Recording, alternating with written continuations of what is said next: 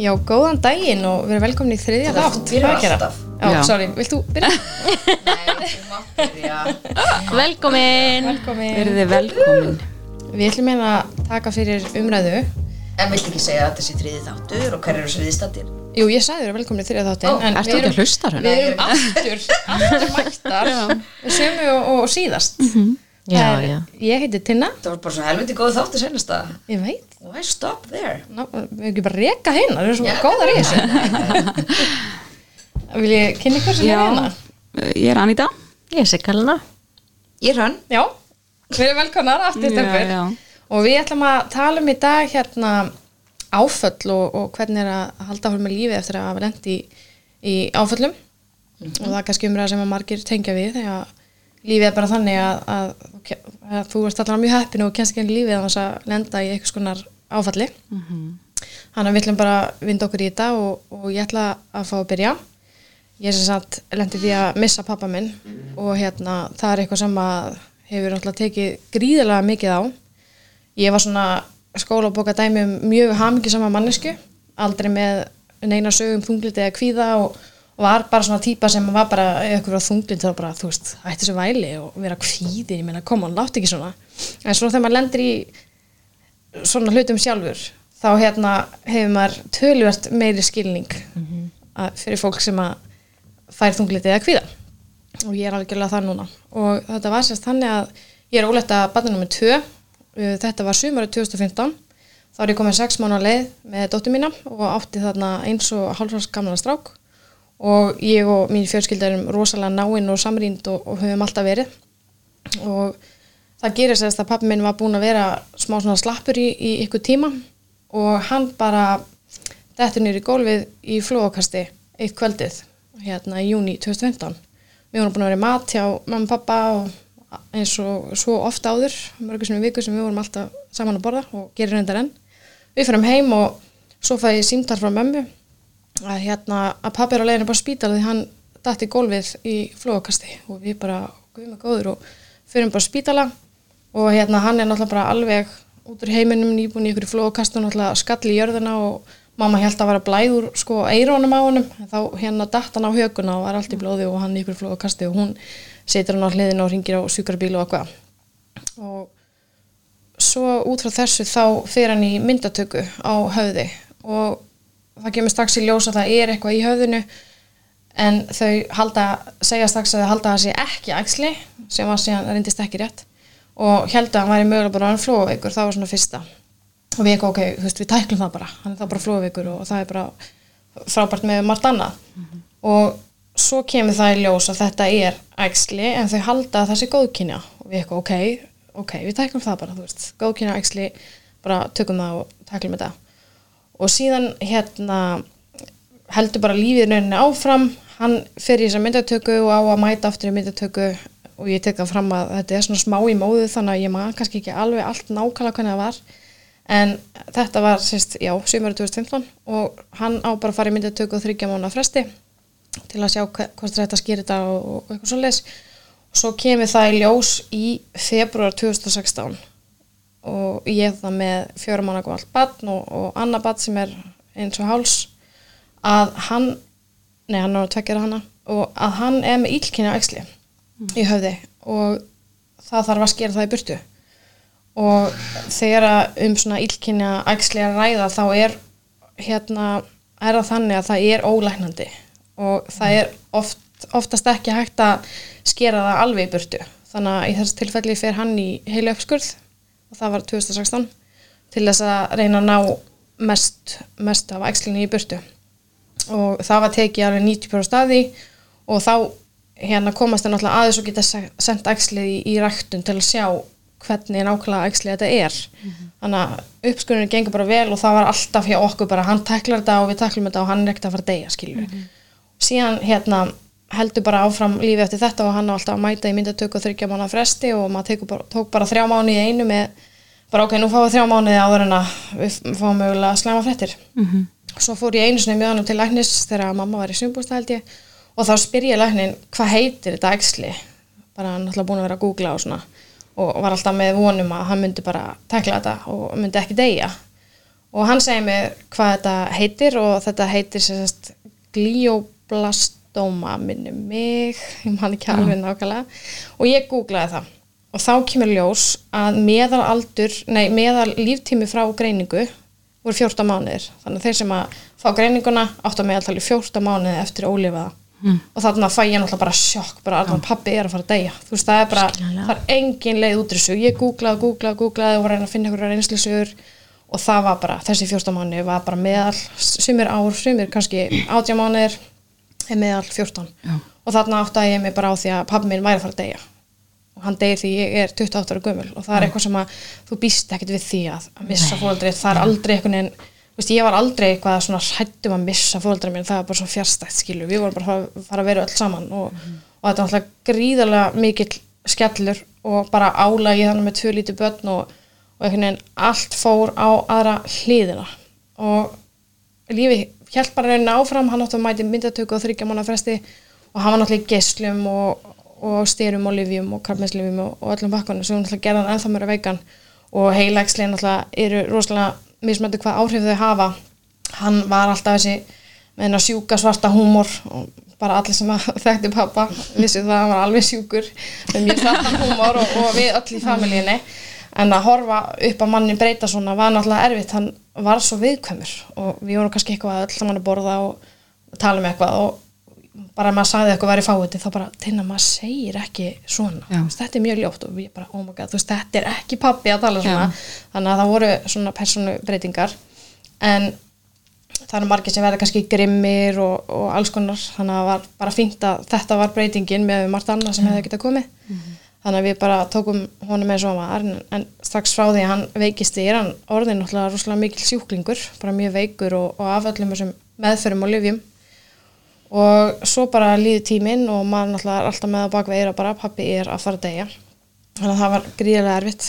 Og svo hérna byrja hann að fara í svona kvildarinnlagnir á líknadeildinni. Og það er þannig að þegar þú byrjar að fara í svoleiðis þá er alltaf endastuðin er döiðin og það er bara að vita mál en við reyndum bara svona að halda fram með lífið og, og bara svona taka í daginu og svona en það var auðvitað erfitt.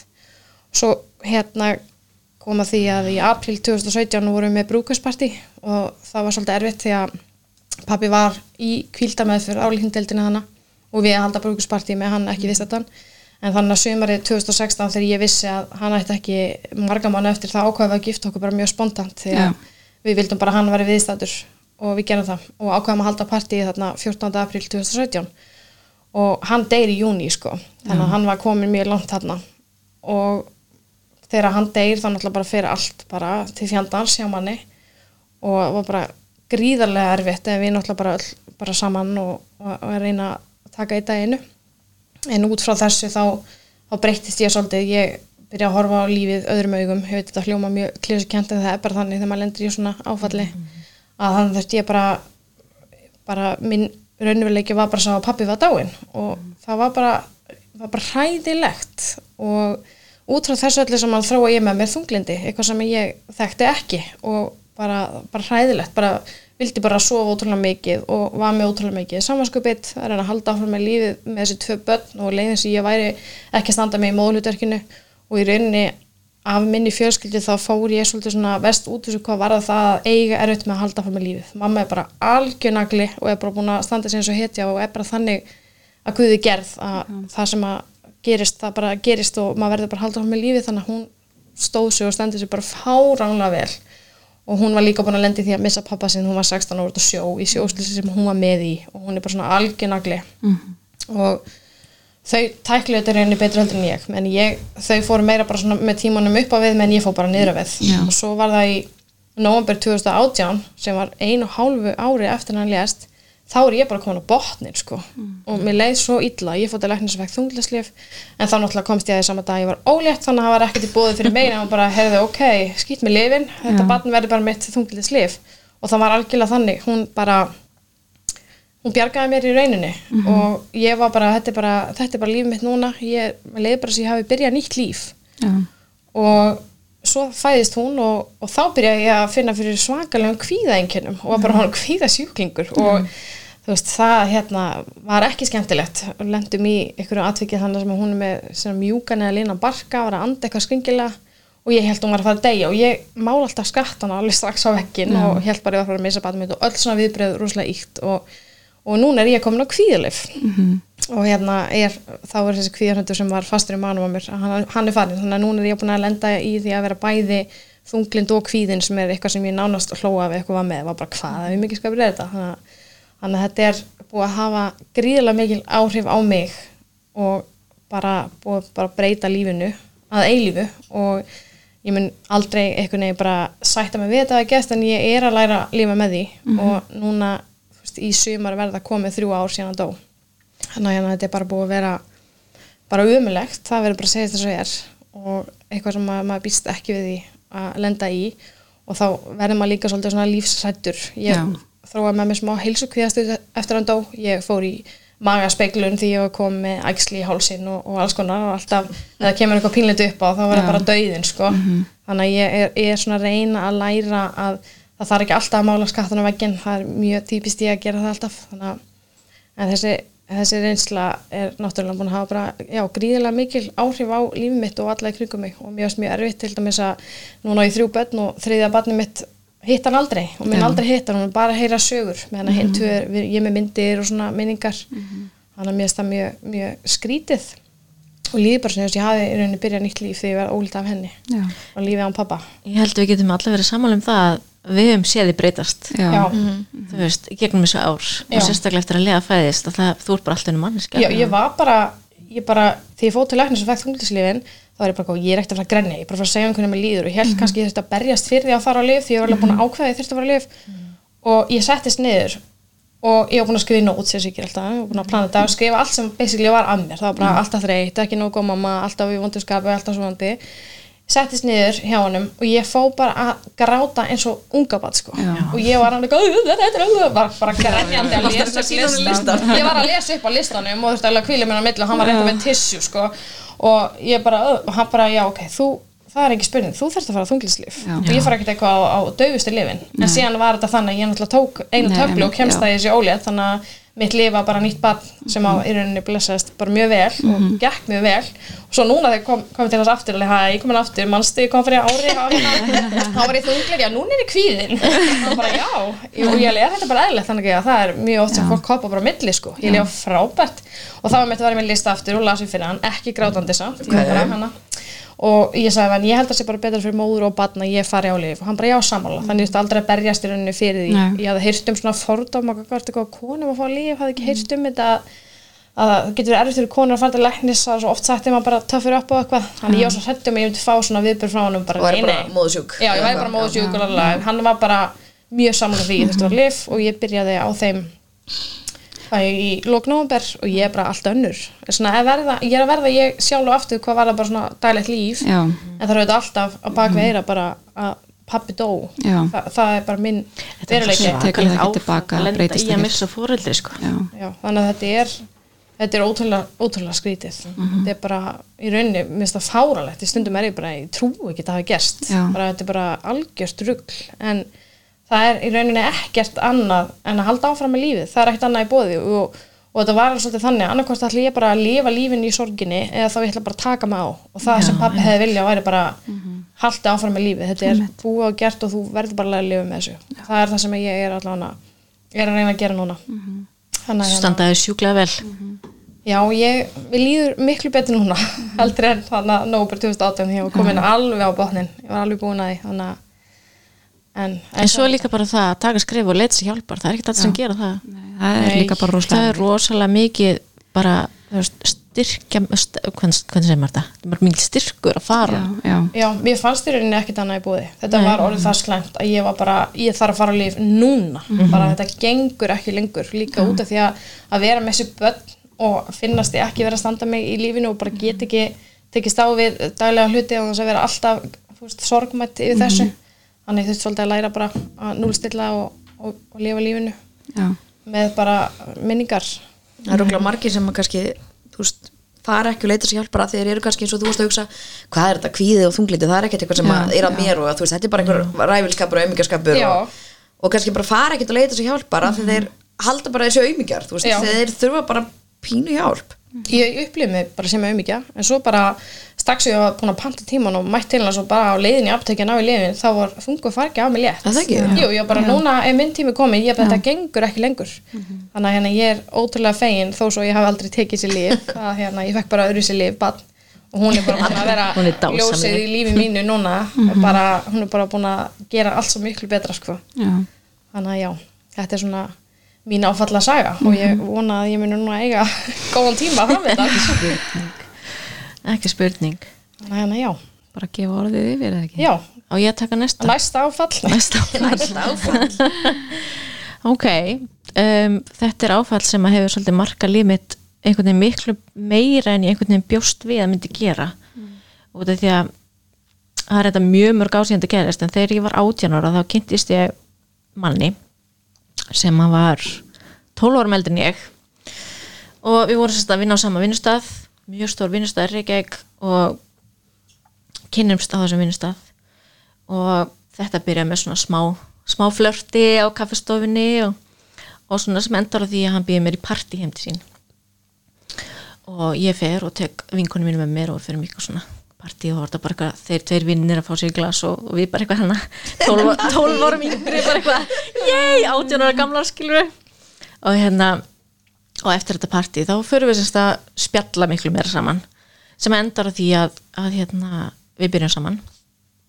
Og já, við erum saman í rúmt ár eitthvað slis þegar hann sem sagt ákveður að fara í sérnám og fer þá erlendis í sérnám og, og ég ákvað bara svona ok, fínt, þá tökum við bara svona tökum við bara svona hérna hvað heitir þetta? Pásu? Nei, fjarsamband á þetta Fjarsamband, já, Já. ok. Tökum við fjarsamband á þetta Svo voru við að sjá það að það væri ekkert að ganga sko, því ég var semst ennþá í mentaskóla bara tittur sko og ákveð að fara til hans yfir sömur ætla bara að vera þar, hann var í góðri stöðu og ég þurfti bara ekkert að gera neitt en bara að vera þarna skilji Já. Geggja staður og hann var búin að finna að sæta íbúð og, og við erum þannig og svo erum við búin að vera þarna ég er kannski búin að vera þarna í tvær, þrjár vikur eitthvað svolítið kemst að ég er ólétt. Já. og það var smá áfall það var, það var ekkert planað en eitt þannig en alveg velkomið. Þannig að við bara svona eitthvað, ok er ekki bara best að ég fara bara heim og fara bara að vinna og hérna og þú komið svo bara, einhvern veginn gæti ég ekki hugsa mér að vera ein erlendis og ekki með mömmu eða neitt, þess bara 18 ára ólétt. Og hérna, þannig ég ákvaði að fara heim og og hérna er þá bara fann að vinna, vinna á póstinum og er bara að bera út póstin allan daginn. Og slag gaman. Voru komin þá hann á hjólin? Nei, vistu langar bara, bara með þú veist, hérna póka á öxlunum Ok. og eitthvað. Ekkert beint hugulegt, en allavega og hann semst vann þannig vinnu, hann var bara í vöktum þú veist, vann í þrjár vikur og var í frí einu viku eða eitthvað, þannig að hann kom alltaf heim þessa einu viku. Og það var svo heppilegt að hérna, akkur því ég var tvítug, þá átti hann að koma heim í viku. Uh, í ágúst þetta sumar þá missi ég semst fóstri komið 14 vikur á leið. Og það var bara eitt af versta sem að ég hef upplegað ég hef aldrei á lífinu upplegað mikið sásöka nema kannski því átti núna síðast.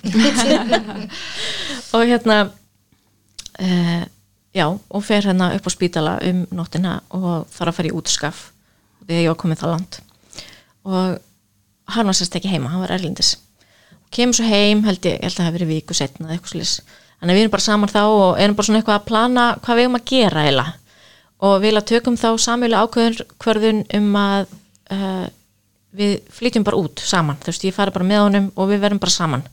Þannig að við ákveðum að trúla okkur og vorum bara Og þannig er þú orðin tvítug. þarna er ég að vera tvítug um hausti Já, já. þannig að þetta er 2005 það er mjög langt síðan. Anyways uh, við sem sagt ákveðum þetta. Og ég sem sagt byrjað að pakka allir dótinu mínu saman og er svona farin að farin að senda svona ímslegt út á undan mér. Og því ég vildi fara að taka dótið mitt með, ég ætla ekki að fara að skilja það eftir heima eitthvað. Þannig að hérna, ég fer að gera það allt saman og fer svo allan að halda þvílíkt kveðipartí og ég var tvítug þannig ég ætla að halda sjúglega mikið og flott partí. En ég býð bara gjöslega öllum. Þetta var bara eitt stæðsta partí sem ég hef haldið. Og hérna ógæslega flott, ógæslega gaman og mætti rosalega margir. Og hann semst átt að koma heim þennan dag þar sem að partíð var. Og þar sem ég náði ekki að sækja hana þá hérna ætlaði sýstir hans að sækja hann og ekkert mál. Svo hérna byrjaði bara partíð og allir mættir og aldrei mæti maðurinn. Og ég býð og fólk er alltaf að spyrja hvað hann sé og ég bara, ég veit ekki, hann lítur bara fara að koma. Hann hérna hérna, lendi þarna klunga þetta hann að, veist, hann ætti að vera lungu mættu sko. Hann mæti sérst aldrei í partíð það eru allir farnir. Og besti vinni minn er með mér hann og svona æsku vinnu sem við erum búin að vinni síðan bara vorum krakkar og er með mér hann og bara, eitthvað, ég skil þetta ekki, þú lert eitthvað skrítið og ég ringi og ringi og ringi og alltaf annarkvort ringir út eða það er skellt á mig. Mm. og, og þetta var bara eitthvað svona þetta var svo absúrt, ég skildi ekki ekkur hann var ekki að veist, svara. Og ég sá alltaf að þú veist, kíkta á heimasíðuna hjá Æslandeir og eitthvað svona, þú veist að vélina ekki lent og veist, hann var komin sko. Og hérna þannig að vinið mér okkar bara heyrðu, ok, förum bara keirum og aðtöku hvort við finnum hann ekki bara eitthvað þar þú veist, hann lítur að vera hjá mömmu sinni eða hjá sýstu sinni eða þú veist, hann lítur að vera eitthvað þar þannig við förum og byrjum að þið fara hindi mömmu hans og við sjáum að hann er ekki þar. Og förum svo og keirum áfram og sjáum að hann er heima hjá sýstu sinni. Og ég ringi og það er bara skellt á mig. Og ég ringi sýstur hans og það er bara skellt á mig. Þannig ég ákveða að dingla og það svarar enginn. Og ég bara, ok allt í lagi. Þannig að við fyrir bara heim og ég prófi aftur, daginn eftir ringi og ringi og ringi og ringi og aldrei gerist neitt. Og þannig er ég sem sagt að fara flytja út með honum nýbúin að missa fóstur og Trúlofuð. og hann svarar mér ekki. Hélst það eitthvað að það komið upp á eða, eða sko, bara ég var búin að heyra í honum deginum áður, þú veist, á hann að vara að fara í flugið. Já, og hann ringir í mig og bara eitthvað, já ég er bara að fara um borð og hlakkast til að sjá þig og ég elska þig og allt þetta skilji þannig að þú veist, ég gæti ekki Þú varst bara alveg klúles gjörsamlega klúles ég veit ekki hvað hefði geta komið upp á eða hvað breytist á þessum nokkur klukkutímur sem hann var að koma heim skilji. Og ég semst bara heyri ekkert frá honum. Og það er ekki neitt. Ég reyni og reyni, ég ringi alla í kringum hann, það svarar mér enginn. Hvergi. Þannig að og ég, ég bara vissi ekkert hvað ég ætti að gera. Já. og Nú sendi eitthvað dót út og búin að senda dót út kom með hérna já, náttúrulega hann kom með fyllt á dótinu mínu og eitthvað svona. Þannig að ég var eiginlega bara þú veist, ég var ekki með neina vinnu ég var ekki að gera neitt. Já. og ég var bara eitthvað, ok. Og mamma bara, ég skild ekki þú verður bara þú verður bara að sækja um vinnu, að gera eitthvað. Og þá er mitt sótt ég um vinnu í leikskóla og fór strax að vinna í leikskóla því það var eitthvað hérna, verkvall og eitthvað svona skortur á leikskóla allavega ég fer og, og fer bara að vinna og á þessu tímbili er ég rosalega svona dofin. Ég græt ekki nema kannski fyrstu tvo dagana eða eitthvað. Og því ég bara skildi ekki hvað væri í gangi. Já. ég bara, þú veist, ég, og ennþá dag í dag hef ég ekki fengið útskungi á því hvað var í gangi. En svo málið með það að svona, hvað ætla sig ekki vika viku setna, eitthvað svo leis þá er ég að keira til vinkunum minna í Moselsbæ og þá sé ég hann í næsta bíl við hliðin á mér Mm. á ljósum. Og hann horfir á mig. Og keirir áfram. Já, Já, og þetta er eina skipti sem að ég hef séðan eftir þetta. Og ég er bara svona eitthvað what the f? Já, hann bara lét sig hverfa. Hann lét sér bara hverfa. Gjörsamlega hverfa og bara ekki orð, ég meina þú voru aldrei heyrt í honum ég hef aldrei heyrt í honum, ég hef aldrei talað við hann. þetta er þetta er bara, og hvað, senda hann bara dótið tilbaka það? nei, ekki fyrir að vinur mér ringir í hann og hann svaraði honum sko, því hann þekkti ekki númerið. Ok, þá er hann semst komin út aftur og ringir í hann og beður hann gjör svo vel að senda mig dótið mitt heim og hvað hann sé ógeðslega mikill skítall og allt þetta mm skiljiði, hann bara gjörslega talaði, talaði onni hann og hérna og ég heyrði svona, því ég var við hliðina á honum sko, ég myndi ekki í hug, ég vildi ekki tala við hann sko. Já, og ég heyrði bara svona á honum hvað hann var svo mikill þú veist, þetta er svo mikill aumingi stelpur að það er bara, það hálfa verið hellingur. En þessi maður er 12 árum eldri en ég. Veit, þetta er ekki einhver krakki sko. Já, og hérna nei, þetta var rosalegt. Og hann sendi mér dótið mitt allt saman í kassa nema hann sendi mér það frá Garðabæ. Skilji, þannig að hann kemur með dóti heim í flugi. Já, fer upp á pósthús í Garðabæ og sendi mér það í kóbóin já, já. Já, hann gæti ekki komið með nei, Nei. það var ekki fræðilega möguleiki. Fellega langt annan milli. En líka það að einhvern veginn þá bældi ég þetta bara niður. Ég var ekkert að pæla í þessu, hann bara fór. Og ég veit ekki hvort að það er verið út af því að þú veist, ég kannski elska hann ekkert eins og ég held skilji. Mm. um, en það var ekki fyrir en svona 2013 þar sem að einhvern veginn allt springur hjá mér, gjörsamlega.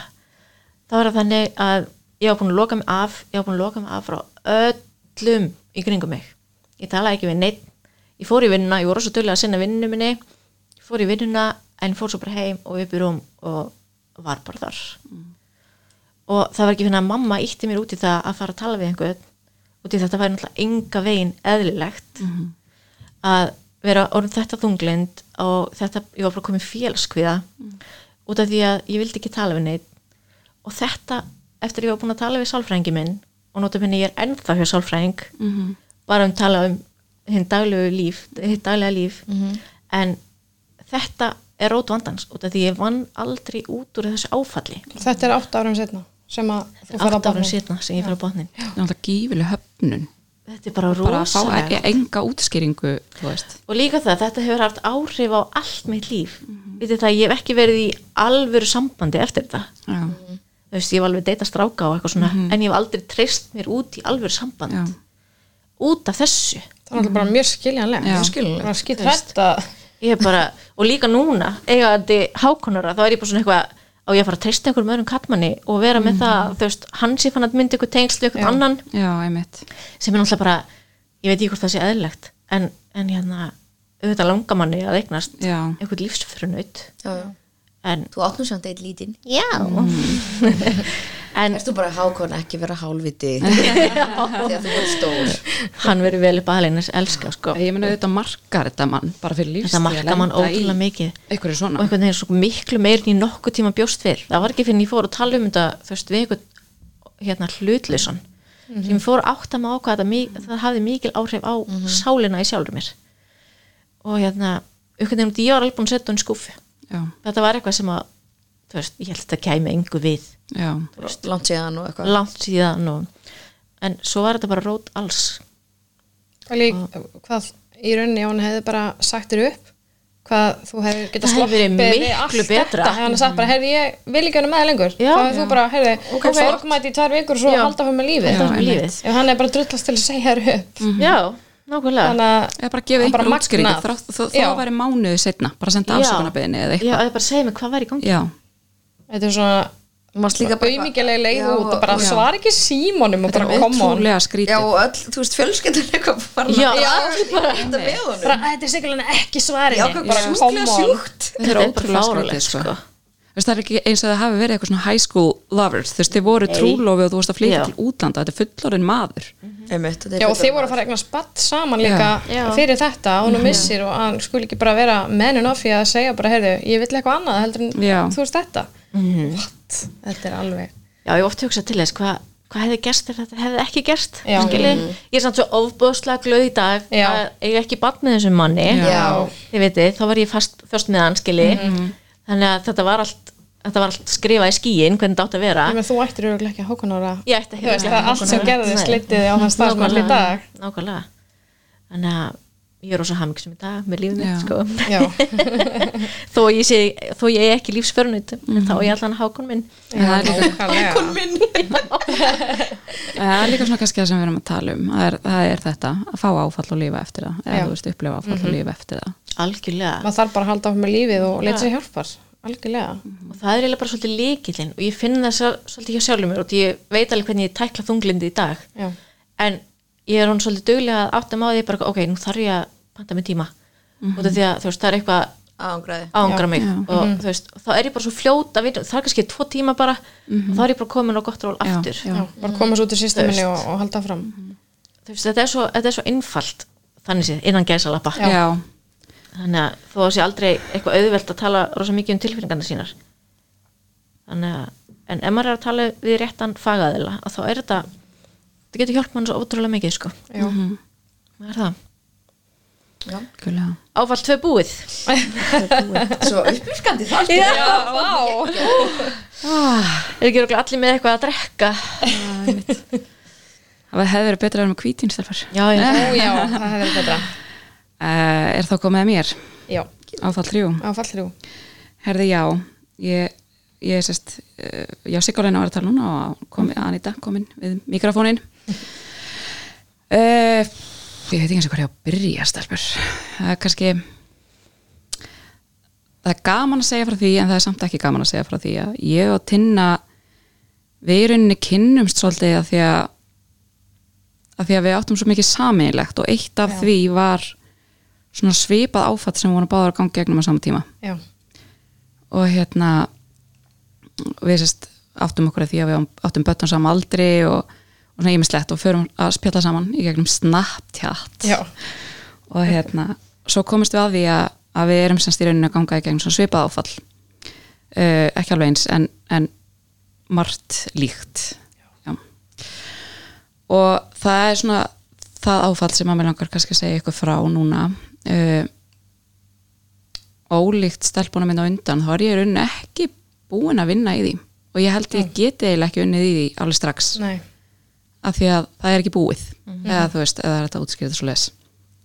En hérna uh, ég á sem sagt mömmu og pappa og ég á börn og ég á þrjú sískinni og þegar að ég er ólétt af stelpunum minni uh, setnabandinu mínu á sama tíma og dinna er ólétt af stelpunum sinni eða mjög svipum tíma Já, að þá hérna fór hegðun pappa míns að verða svolítið skrítin.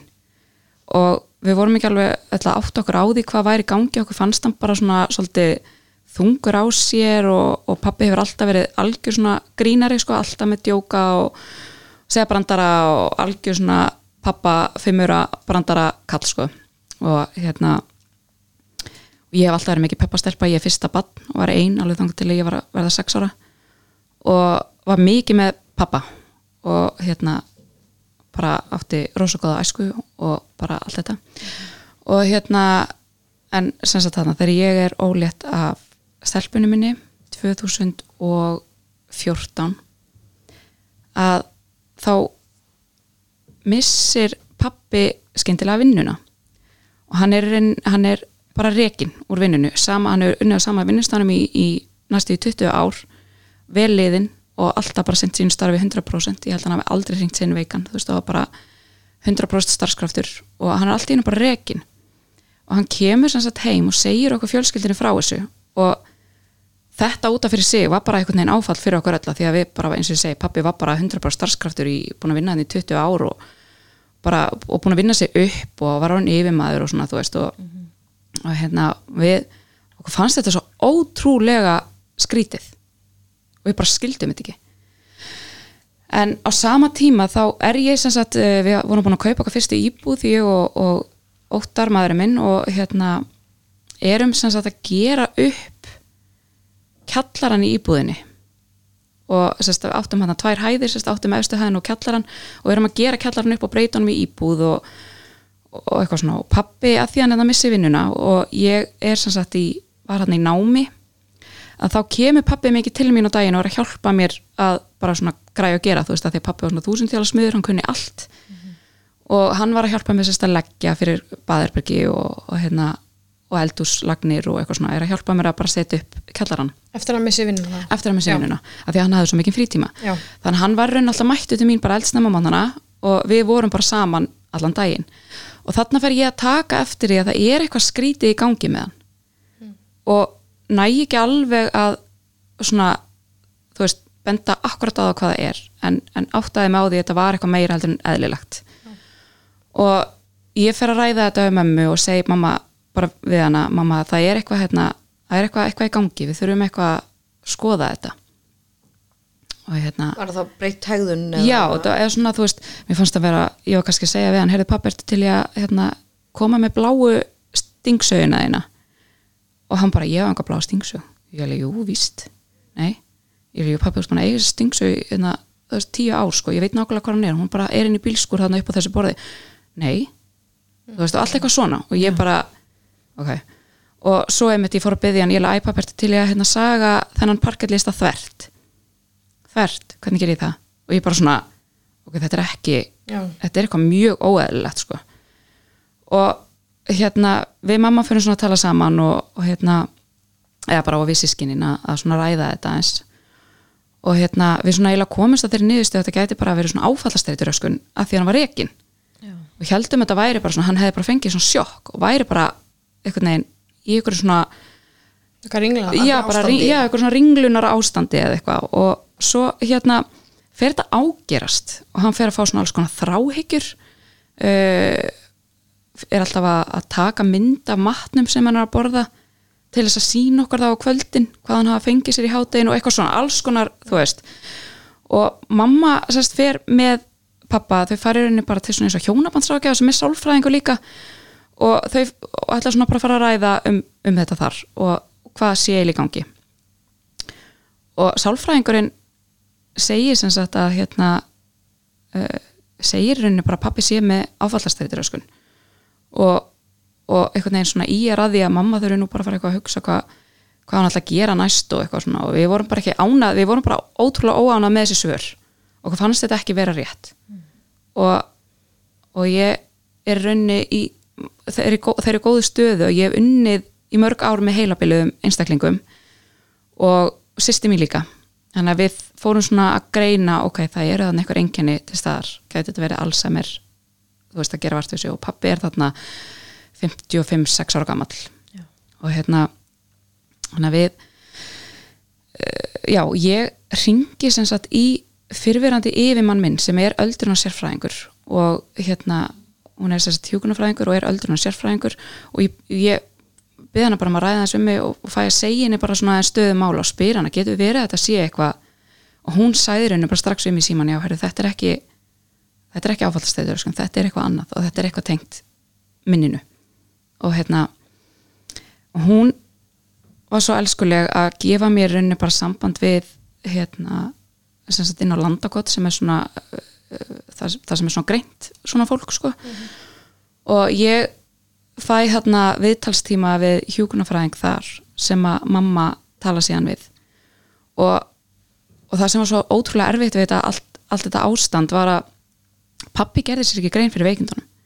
Þannig að við þurftum alltaf að vera að ljúa á honum hvert hann væri að fara, af hverju hann væri að fara til læknis og eitthvað, hann skildi þetta ekkert, hann var bara að býtu það er ekkert að mér, af hverju er það að fara með mig til læknis og, og alltaf jú, mannstu því að það búið að vera eitthvað svona í haustnum eitthvað hausverk og eitthvað svona þú veist, þetta, var- þetta var svona, við vorum í rauninni eins og við værum bara að ljúa að fullandi einstaklingi sem var svolítið farin að haga sér eins og bann Já. já, og hérna og hann uh, fer þarna í gegnum bara greiningaferli sem að teka náttúrulega einhvern ákveðin langan tíma og á þessum tíma þá fer hann í gegnum allar þessar hegðun og breytingar sem að gerast oft hjá heilabilum einstaklingum. Og þeir geta orðið rosalega reyðir það er rosalega algengt að, að, hérna, að þeir átta sig á því að það er eitthvað ekki alveg í lægi fatt ekki hvað það er og, og verða bara virkilega reyðir og við fórum að taka eftir þessu, hann fór að vera rosalega aggressífur uh, og svona bara, já, bara reyður einhvern veginn út í allt og ekkert. Og, og hérna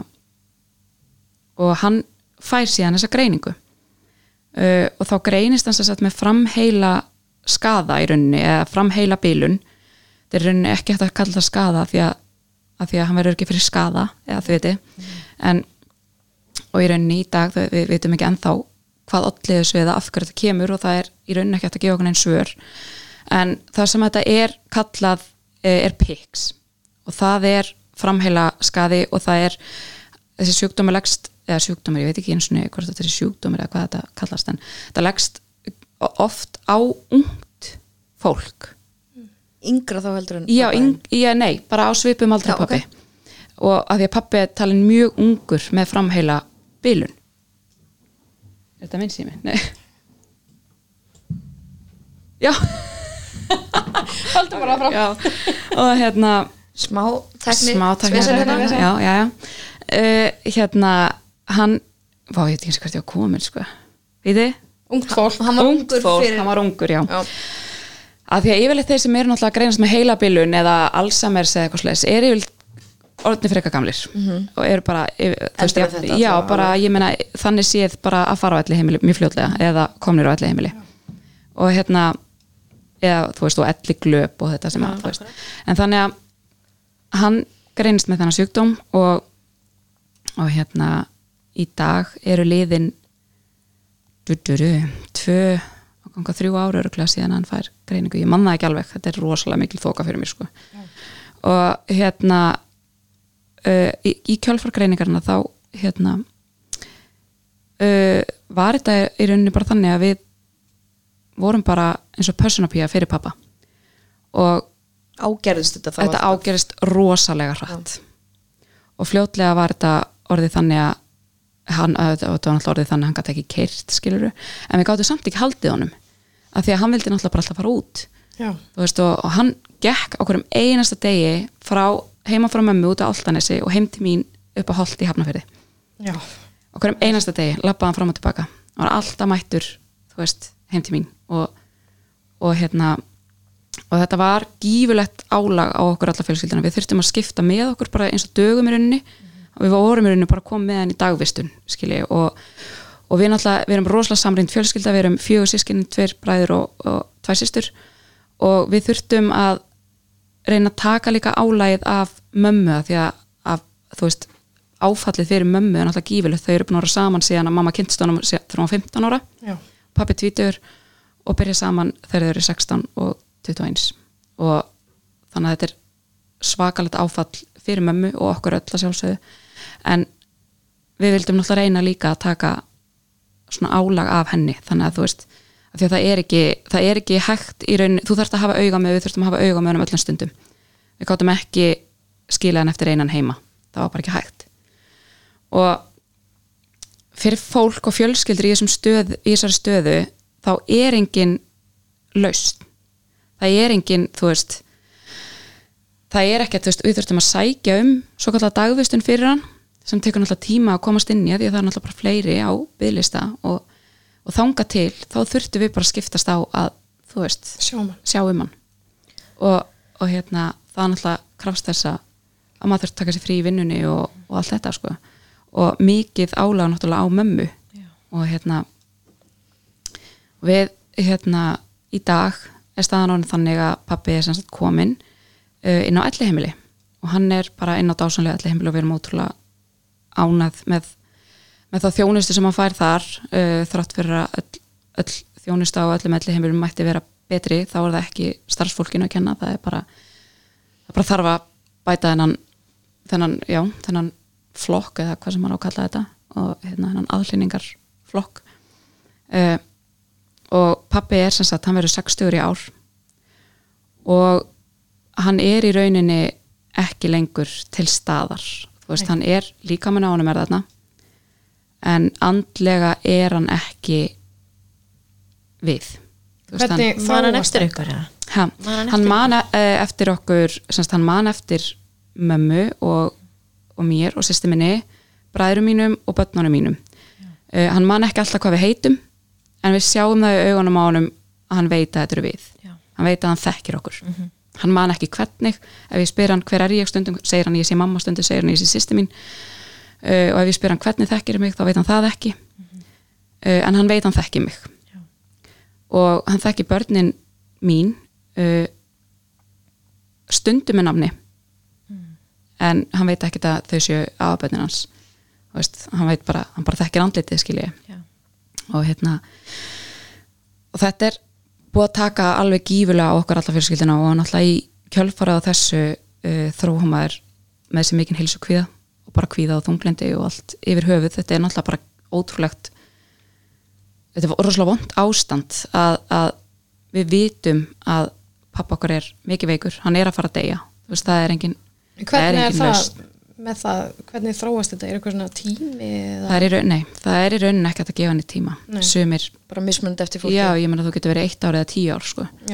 Veist, þannig að það er bara ótrúlega og pappi er rosalega sterkur maður alltaf verið sterk byggður og svona duglegur, hreift sér mikið og, og hérna veist, hjóla alltaf í vinnuna og allt þetta sko, þannig að hann líka minn á honum er sterkur. þannig að það er mikil barátt á í líkamannum þrátt fyrir að heilin sé og þá náttúrulega þegar þú ert með svona heila bilun þá náttúrulega líka minn þá náttúrulega vinnur heilin ekki rétt úr því sem að, þeim skilabóðum sem að heilin á að vera sendunum. Þannig að þegar til dæmis þú borðar og þegar við borðum að þá sendir heilin skilabóð hvert maturinn á að fara og hvaða vítamin á að nýta og allt þetta veist og, og það náttúrulega gerist ekki hjá pappa þannig að hann nýtir til dæmis fæðuna rosalega rámt og til dæmis síðan hann veiktist og farið hann inn í menn hann er búin að léttast öruglega um 15-20 kíló og, og hérna og hann er bara rosalega veikur. Þú veist, það er bara það er, það er erfitt að hitta hann af því að þú veist, þetta er ekki þetta er pappi minn, þetta er ekki pappi en þetta er ekki pappi minn. Og þetta er rosalega svona vond staða af því að við fáum ekki að kveðja. Nei, og við fáum einhvern veginn ekki að komast yfir áfallið af því að áfallið er ennþá til staðar og þá verður ekkert búið fyrir en að hann fer sko. þannig að, og við náttúrulega viljum hitta pappa eins mikið og við getum en, en svo á, þú veist, annan bóin er það ótrúlega vond að sjá hann í þessu ástandi. Og ég reyni að fara með börnin mín uh, og við maðurinn minn höfum einmitt að rætt þetta hvort það sé gott fyrir þau að sjá hann í þessu ástandi en við höfum líka rætt að þau í rauninu þekk ekki annað. Að því að Kristoffer er í rauninni bara tveggja ára eitthvað sles þegar allt þetta greiningaferðli hefst. Og hann man í rauninni ekki eftir afa sínum nema bara Svona. svo- svona skrítnum skiluru og fyrir, fyrir þeim er hann alltaf bara skrítin hann er bara svona eitthvað að ruggla og þú veist, veit ekki, ég meina hann kallaði dótti mína ömmu þegar við fórum síðast í heimsók skiluru og hún sagði blessa við og hann sagði blessa maður þú veist. þannig að fyrir þeim er þetta þú veist, kannski ekki áfall eða, eða erfitt en og dóttir mín sækir rosalega mikið í það að fá að koma í heimsótt til hans. Henni finnst rosalega gott að koma inn á öll heimil og af alltaf keks og, og svona þú veist já, hann er að hérna, og mér finnst gott uh, að að þau hafi fengið að hitta hann. Og Já. minningar og, og allt þetta með honum. Og pappi elskaði börnum mín sko, og þú veist, bara mér finnst rosalega sárt að hugsa til þess hvernig þetta hefði verið ef hann hefði ekki verið veikur. Af því að ég var rosalega mikið með pappa þegar ég var krakki sko, hann fóð með mér á allar allt svona, þú veist, við vorum alltaf í hesthúsonu með að fara að skauta og allt þetta. Og ég veit að hann hefði tekið allt þetta með börnunum mínum, þú veist, og útilegur og allt þetta sem að pappi hefði farið með þau í Já. og það er rosalega vond að hugsa til þess að það mun aldrei verða þannig sko.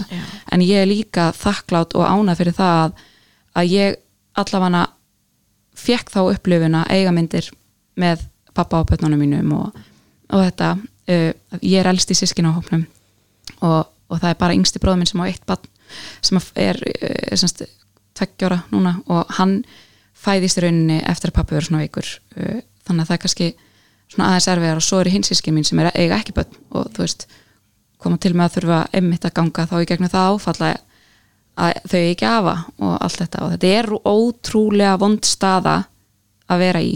Og líka eftir að eftir á að hyggja þá sjáum við núna í dag að veikitina svo löngu löngu byrjuð. Já, en hann bara faldi þau af því að líka held ég að sé oft með karlmenn sérstaklega frá þessum tíma er voru ekkert mikið að segja frá tilfinningu sínum. Nei, alls Þú ekki veist, þannig að pappi var kannski ekkert að segja við mömmu heyrðu ég er eitthvað svona farin að gleyma þess eða þú veist, hann var ekkert að ræða þetta. Nei. þetta var bara eitthvað sem að hann ætlaði bara að díla við sjálfur. Já, ég menna hann ætlaði bara að tekst á þetta eins og hvað annað sko. og, og svo bara gerist þetta svo hratt. Og allt í einu var þetta bara komið það stið hann vissi ekki að hann væri veikur. Nei.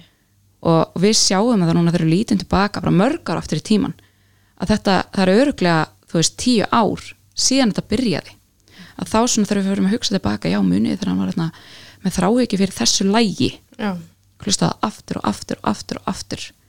Þú veist, alls konar svona sem að maður svona getur lítið tilbaka í dag sem já, kannski já, sem, að, nei, sem að okkur fannst í rauninu bara að vera æ pappi, þetta ekki svona skrítin, þú veist. En svo allt í einu bara í dag wow, ok, herri, þetta er potið tengt. Og eins og ég sagði hérna í upphafi sko, í rauninni er þetta áfall sem að ég er ekkert búin að vinna úr þú veist, og ég er ekkert endla vissum ég geti e, þannig sé unni úr því í dag, þú veist, þá leiði ég mig bara að gráta þegar ég þarf að gráta og þú veist, Algjörlega. og ég er ekki, ég er í rauninni heppin að því leitinu til að þegar að pappi greinist, þá var ég komin á kvíðaleif út af því að ég var uh, í svo miklu, ég fekk svo mikið kvíða eftir ég egnaðist hérna, stráki minn sem ég dílaði ekki við fór ekki og leitaði mig hjálpar þá og þegar ég egnaðist stelpuna mína þá magnaðist það og, og hérna fór á kvíðalif eftir ég egnaðist stelpuna þannig að þá í rauninni það bjargaði mér svolítið mikið að hafa verið á kvíðalifjum þegar ég gekk í gegnum áfalli með pappa já, af því að ég er nokkuð vissum það ef að ég hefði ekki þá væri ég miklu verið stað í dag. Já, þú veist, ég hefði ekki getað tekist á við þetta á jafn, yfirvegaðan hátt ef að ég sletti því orðið að nút en þetta er náttúrulega ekkert yfirvegar háttur þú veist, það er bara, þetta fær, fer maður bara að öskur grenja yfir ósangirni í lífinu skilur og, þú, og maður getur aldrei hugsað af hverju ég og mín fjölskylda þú veist, þetta er bara eitthvað sem gerist og, og fólk lendir bara í mismunandi áföllum. Og ég er búin að læra rosalega mikið á þessu. Maður þroskast um maður þroskast alveg sko. rosalega mikið. Uh, maður læri líka bara svona samkend og, og svona að geta sett sig í spór annara Mhm. sem eru kannski ekkert endla gangi gegnum sömu áföll en maður getur skilið. Akkurat þú veist. Og, og í dag, ég meina ég veit í dag veit ég ekkert hvernig ég á á að vinna úr þessu skilur og hérna okkur er heldur ekkert búið að bjóðast neina aðstöð ekki einu sinni mömmu, mamma er ekki sem búin að fá áfalla hjálpa og ekki neitt, sko, ekkert. Þannig að, það, og það er heldur ekkert kerfið sem tekur utanum er svona fólk. sko. já, það er ekkert. Þú þarf til að bara að í það það sjálfur, sko. það er rosalega þannig. Og mamma er náttúrulega bara algjör klettur og bara, þú veist, það er ótrúlegt hvernig hún er búin að standa þú veist, standast í gegnum þetta allt saman. Uh, og við erum rosalega heppin við fjölskyldan hvað við erum sterk og, og náin og við höfum svona geta leita til hvers annars. Og eftir þetta þá líka urðum við miklu nánari. Já, þú veist, við bara, maður fór allt í einu bara að sjá hlutina. Okkar fjölskyldan er bara það sem skiptir máli. Skiptir öllum máli. Já, og bara það að við getum staðið hérna saman fyrir hvort annað er bara það sem skiptir öllu máli. Og þetta er ógeðslega erfitt og ógeðslega leiðilegt uh, og ég veit ekkert hvort þetta verði í hálft ári viðbúti eða 20, 10, 15, veistu, við höfum ekki hugmyndið það skilur við veitum ekkert hversu lengi líkamann líkamann hans á í raunin eftir að berjast við þennan vágjast sem að hann er alltaf í nöðu að bera skilur þannig að hérna fyrir utan það að heilin er náttúrulega bara það sem að læknandi þekkja minnst. Þegar það er ekkert hægt að rannsaka í rauninni fyrir eftir andlát eða, eða í heila uppskurði en það má samt ekkert pota í hvað sem er. Þannig að það er svolítið erfitt að ætla að fara að finna út úr því en þetta er, þetta er búið að taka á. En eins og ég segi, þú veist, við, ég er heppin á það leiti að hafa gott stöðningsnett og við í rauninni bara styrkjum hvert annað. Og, og það er svona okkar, okkar meðferð í dag. En ég held að mitt áfatt sé allan að búið. Já. Eitt sem kannski mér langar að bæta við að í kjölfarið á þessu þá hef ég alltaf jógst kvíðin minn alveg gífurlega og ég náttúrulega fór að fá heilsu kvíða líka í kjölfarið skilur það, og það var alveg bara ég, einmitt eins og með tinnu skilur ég held alltaf að bönni mín sé að deyja. Og þú veist, ég er alvörinu bara ef að þú veist, maður minn á leiðinu heim og vinnunni og ég er heima, þú veist, þá er ég bara með áhyggjur að því að hann lendi bílstissi allan tíman þú veist, Já. því ég er alltaf alltaf þeir sem eru mér næstir eru bara að fara að deyja á morgun sko. og það er einhvern veginn og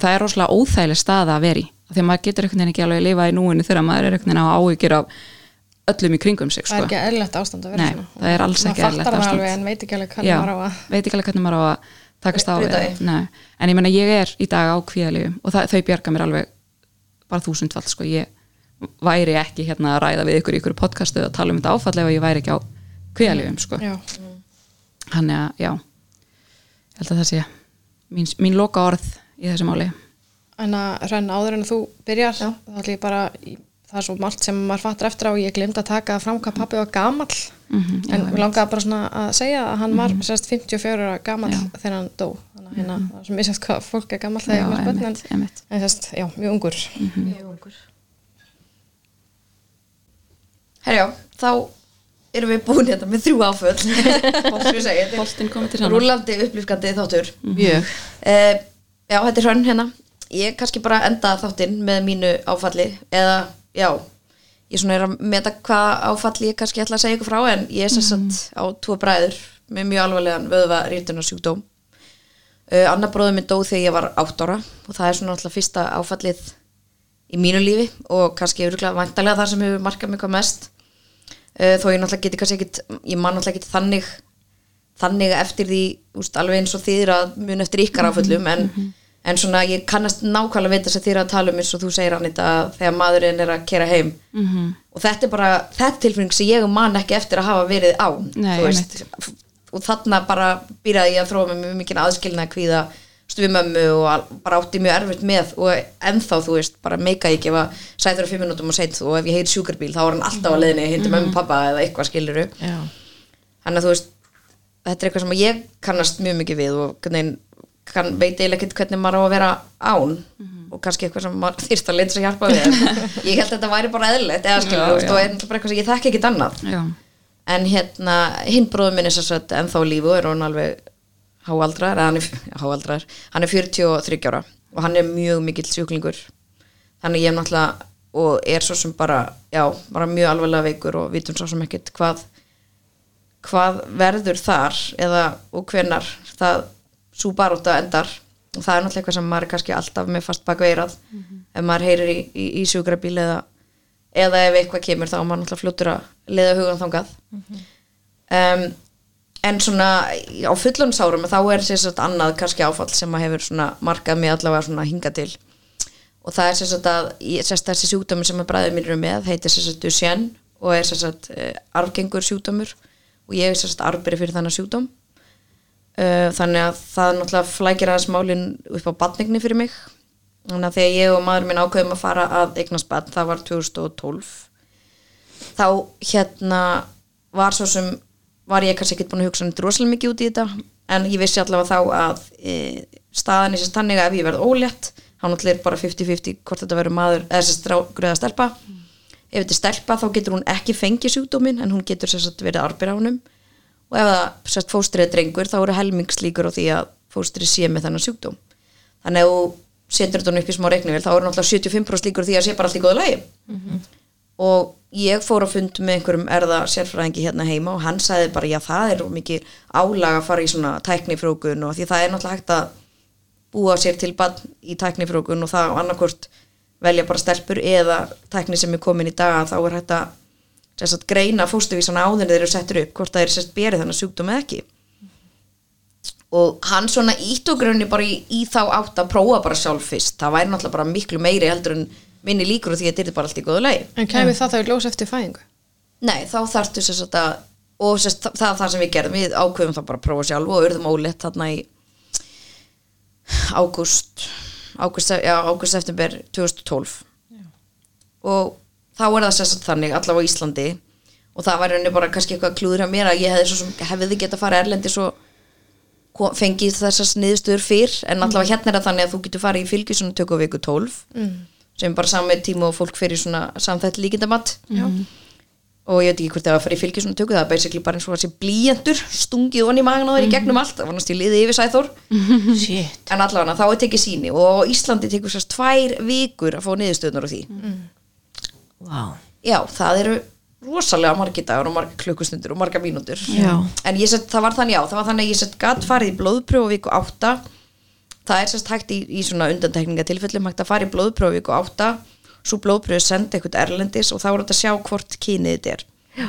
að því að þannig er alltaf ákveðin áhætta sem fylgir svona fylgir svona tökku að þá ef það hefði verið fóstur hefði verið stúlka þá hefði við bara gett sleppt því það kom sérst, þá var í rauninni fyrsta áfallið, þú veist, badnið var þess fóstri var sérst drengur þá kom náttúrulega bara byði í tvær vikur að fá að fara í þessa fylgisunum við fyrir með hana og þá kemur aftur tvekja vikuna byð að sjá hvað hva verður.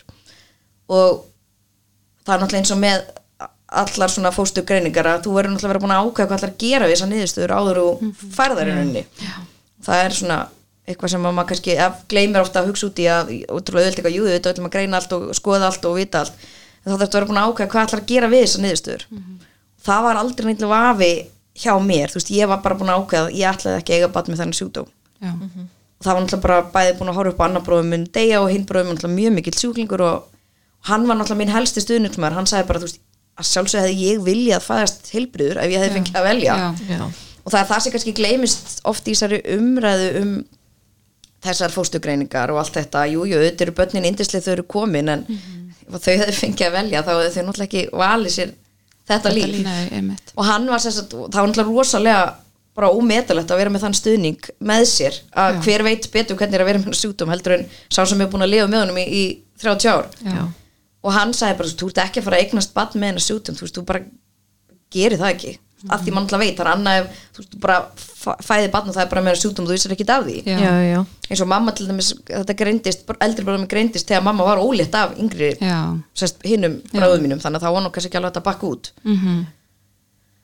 en já, þannig að við sérst að býðum og ég hef- veit það núna ef ég hefði sérst farið í fylgjusundtöku Erlendis hefði ég geta bæði farið hérna viku fyrir og þá hefði niðurstönd að koma eftir tvo daga Já.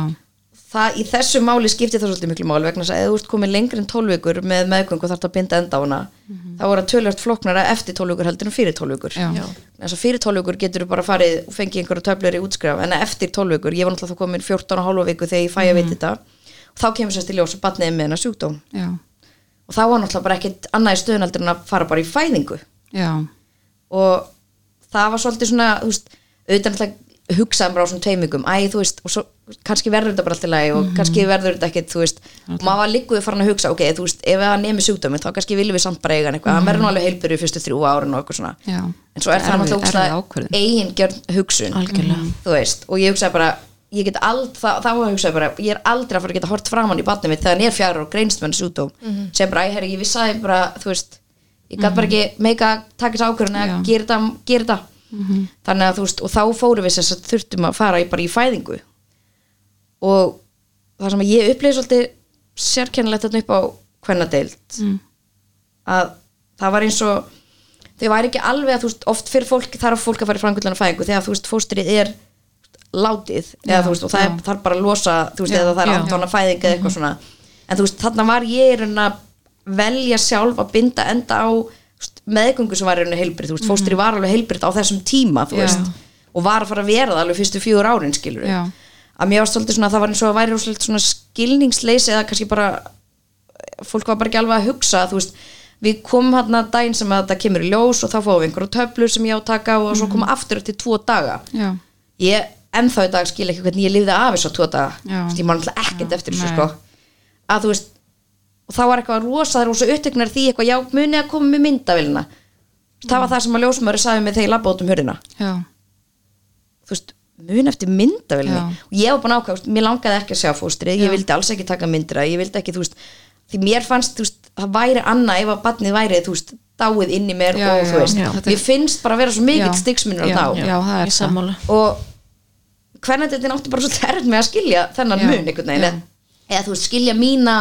þetta sín á þetta Já. þú veist, eitthvað mynd eftir myndaölinni og maður bara, já ok, þú veist Mhm. og við komum hérna og það er einmitt voðalega mikið eitthvað hvort við viljum ekki sjá fóstur og hvort við ætlum að hafa einhverja aðtöfn og við erum alltaf búin að sjá nei, nei, nei, nei, nei og alveg bara reyna að koma svo skýrt fram -hmm. það er vitast eitthvað mjög erfitt með bara að samþykja þetta runni. Já. sem er náttúrulega bara fáröldi, menn þetta er bara mín ákvörðu Já. og alltaf ekki þú ert eftir að sjá eftir því og ég sé ekki eftir dag og svo er bara ósangjönd að þeim að segja þetta við þig ég var alveg, sjá eða þú veist, ég veist. bara tekið þessu ákvörðinu sjálf og var bara búin að því en allavega þessi fæðing gekk hörmulega illa, tók meira en sólarhing ég misti sko, þú veist, tvo lítra blóði Já. eða tvo og halvan eða eitthvað og bara þetta gekk alveg hörmulega ótrúlega erfitt að verka stilla mig og einhvern veginn fekk svona þjónustöðnar sem mér fannst kannski svona vafasum -hmm. og endaði sérst í því að hérna að sérst að, já, ég, það var bara sínd mjög óeðlileg framkoma hérna af ljósmaðurum á þessum stað -hmm. og hérna og það endaði því að við kvörtuðum í rauninni eða sérst sendum kæru til landlæknis sem að, og þá kom niðurstanu henni var að það hefði verið sínd, sínd óeðlileg og já. framkoma við Já. okkur og einhvern veginn þetta tók, þú veist, ég var óksla þú veist, einhvern veginn eins og ég ætlaði bara að klára þetta og takla þetta og þú veist bara peppið einhvern veginn í að þú veist, það væri bara verkefni ég ætlaði að klára og svo ætlaði ég bara strax, ég var bara strax með ákveð, ég ætlaði bara strax að fara, þú veist fara í teknifrókun og bara búið Já, mitt í bad já. það var einhvern veginn mitt svona coping mekanismi að þú veist, bara áfram, áfram, áfram. Og það var líkuð, með ég var ennþá þarna bara, hvernig get ég býrað í glasa? Já. og þú veist, þær voru náttúrulega bara svona jæja, þú veist, Já, auðvitað já, já. sagði engin neitt en þú veist, þær voru svona já, ok. Hann ætla kannski ekki alveg þetta er sérst í nóvumber Hvaða ár? 2012 Já. þetta er 2012 já, fyrir átta árum síðan og hérna og þetta er sérst gekk bara mjög illa endar sérst á því að ég er bara búin að þú veist, búin að vera hann alveg í nánast sólarhing og fyrir að pissa og þá bara kemur fóstrið Já. og þá var, við sæðum einarna og það bara byrjar, þú veist, var búin að blæða allan tíman og enginn einhvern veginn að skoða það og það bara byrjar að foss blæða og ég stenda þarna og sæður ringir á einhverja ljósmör og þá kemur hún bara eitthvað tekur fóstri og bara hleypur út Já. og við stöndum að það bara horfum okkur þannig bara, hvað er að gera, hvað er að gera, þú veist Já. Og svo bara kemur hún ekki fyrir einhverja 5, 6, 7 mínútur Já. þá alveg var hún sko búin að vikta það og mæla og já, fóstrið er svona stórt og lítur alveg eðlilega út bara eitthvað svona allt sem við vorum búin að byggja um að væri ekki, Ekki gert. Já, skilur og ég já. náttúrulega var bara ekki í ástandi til að eina sig gæti eitthvað einn svona muldra út um mig bara ég vil ekki veit þetta eitthvað neginn, þú veist já. og þú veist, algjörlega absúrt þú veist, framkoma og ég veit að í dag er búið að gera mikla breytingar á Mhm. Mhm. þessu veist, þetta er orðið allt annað í dag, ég meina átt ára er alveg slatta tími. Já. og í dag til dæmis er þessi stofa þar sem að svona framkvæmt er í gangi, hún er til dæmis núna niðri bara Já. á kvenlækningadildinni en ekki Já. fæðingadild þar sem að öll nýfættu börnin eru þú veist, hann ætla ekki að leggja það á neitt að vera Nei. í kringum nýfætt börn þú ert að gera þetta. Veist, og einhvern veginn, þú veist þá er bara, já, ég veit ekki alveg þú veist, er svo að það hafi bara aðeins vanda upp á skilningin já, bara í þessu öllu og ég bara vona bara að það hafi breytt einhvernum verkverðlum eftir að við vorum allavega letum við vita að vera mjög ósátt. En ég einhvern veginn bara svona al, fjekk eitthvað algjört bara mental breakdown eftir þetta. Eða þú veist, ég var ótrúlega lengi að jafna mig og þú veist, bara svona já, fór bara einhvern veginn, þú veist, ég bara var bara heima bara bara hendurnar, bara kreftar nefa bara í marga, marga, marga daga sko og einhvern veginn átti bara veist, þetta var, já, það tók miklu miklu meira á meldinu en nokkuð tíman Já. þú hug áður skilur já, og þá náttúrulega var maður svona, okkur maður fór ekki út til að láta gera þetta og þetta verður ekki hægt að fatta þetta fyrir og okkur maður ger ekki hitt og þetta og eitthvað. En það sem allavega við tókum út af þess og við vorum aldrei að fara að gera þetta aftur. Já, þá náttúrulega í rauninni samt var það mín meðferð var að fara bara strax í það að skoða hvaða valmöluga var í búið fyrir mig veist, hvað, gera, hvað gæti ég gert hvar væri þetta að gera þetta, væri þetta að gera þetta á Íslandi veist, og allt þetta, það var svona mín meðferð, þú veist. Já. fór reyndar og fekk þess, fekk við tal við sálfræðingu upp á hvernig dild sem ég talaði við tvísvar og það alveg hjálpaði. Já, en hefði örgulega alveg þurft á meiri hjálpa að halda. -hmm. en það tók þetta alveg á allar þessar meðferði sem við fórum í eftir þetta tók alveg á að því maður var alltaf svolítið og ég fann það alveg þegar ég var ólétt svo að loksins tóks mér sérst að verða ólétt á náttúrulega núna tvö börn. -hmm. ég hefði rosalega verið til einhverja að geta sagt mig það þarna 2012 já, Þú veist, þetta verður svona og það er bara Já. átt ár. Já, og veist, ekkert mál, býta bara í átt Já, ár. það er svo veginn sem er svo vond. allavega, það var sérst mín meðferð eftir þetta var sérst svo bara að dýfa mér í þetta Já. Verkefni í rauninni bara. Bara var alveg að la- las mér allt til um þetta og skoða þetta og allt það að hérna já þannig að þú veist og líka ég fann það sérstaklega þegar ég var óleitt sérst af dóttur minni hvað þú veist þetta satt í mér þú veist ég átti bara erfitt með bara þetta hús Mhm. Já. þú veist þessa kvennadeild og ég Já. Mhm. bara gæti ekki hugsa mér fara í fæðingu og þú veist ef ég hefði ekki verið svona lasin þá var ég búin að byggja um að fá að fara í keisara. Já, ég treysti mig bara ekki til að fara í vennilega fæðingu eftir, ég var bara það bara brend eftir þetta og bara Já. illastöð, ég gæti bara ekki hugsa mér það. Þetta var bara svona mjög kvíðavaldandi alla meðgönguna. -hmm. svo er þetta ko- kom þetta ekkit upp að ég var bara sett, var lasin á meðgöngunni þannig að það var ekkit annað í búðeldur að fara í keisara. Já, en þá fann maður bara hvað maður var ennþá brendur af þessu og þetta var svona markeraði mann svolítið mikið. -hmm. og þú veist, já, þannig að við fórum sérst eftir þetta fórum við bara í, í þetta verkefni bara að búa okkur til bad -hmm. komumst þá að því að við gátum ekki gert á Íslandi þurftum að gera erlendis byrjuðum sérst í meðfyrir Danmörku. Fórum eina meðfyrir þar og þar reyndar, það er nú önnur að segja frá því að það er sérst rakki tanni og fjórbrut á mig fótinn, fyrir blóðtappa og lenda gjörgjæslu þar, misti næstu í fótinn og þannig að það er að fara í átta aðgjör út af því. Já, en við satt allavega að komast að því að þetta klínik í Danmörku var ekki að henda. Nei. sem var mjög heppilegt vegna þess að uh, fyrir svona þremur árum sá ég frétt. Þetta er ekki hvort ég hafa lesið það var frétt sérst bara inn á vísið eitthvað. Og ég- fyrirsögnum var eitthvað var ekki svona þeirra? Og ég eitthvað, hm, hvað er þetta, opna það. Þá var þetta frétt um eitthvað klíniki í Danmörku. Nei.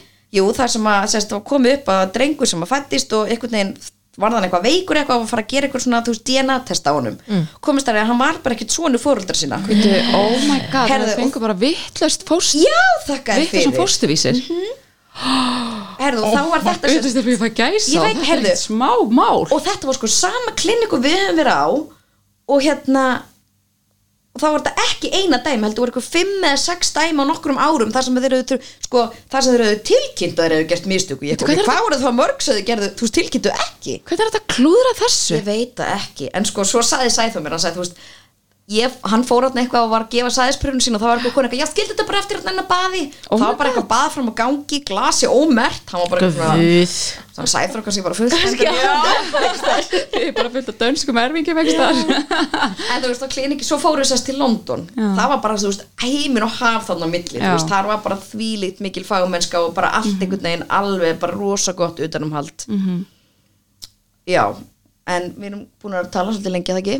Jú, ég ætla allavega, þetta var svona, já, ég hugsa þetta sé svona, svona fullorins áfalli sem hefur markað mig hvað mest. Þetta er ekkit smá sko. Og er rosa tókur og ég fann það og það var náttúrulega ekki áðbætandi að hafa svo, svo lendi í svo alvarlega slís út í Danmörku þegar maður var í fyrstu meðfyrinni geðið peppaðar að komast Já. yfir þetta allt skiluru Já. það var náttúrulega svona annað þú veist, áfall af því þá þurftum maður að fara að taka pásu á þessari og við tala hvernig það er það maður langar í Já, bad já. þá langar maður í badni í gær skilur maður eitthvað, heyrðu svo býði við núna í halda og Já, það er bara ekkert option. Nei, það er umulagt það er umulegt og við þurftum alveg fjór, nei fimm heilar meðferði til að búa bönnun okkar til.